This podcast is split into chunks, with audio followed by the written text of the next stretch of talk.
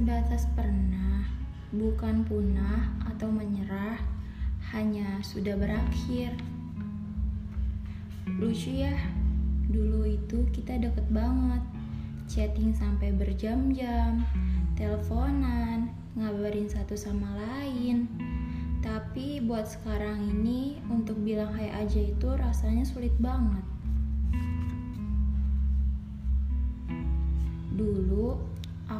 Itu pemeran utama di dalam sandiwara kecil berjudul kita.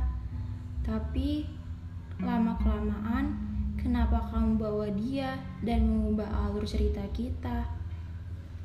Menurut kamu dengan kamu mendekati banyak orang itu hal yang wajar. Tapi enggak deh buat aku. Kamu itu sama aja seperti pengemis.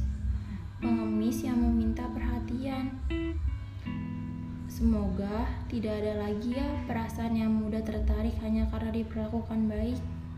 Tetap waspada ya, dimanja itu belum tentu dicinta.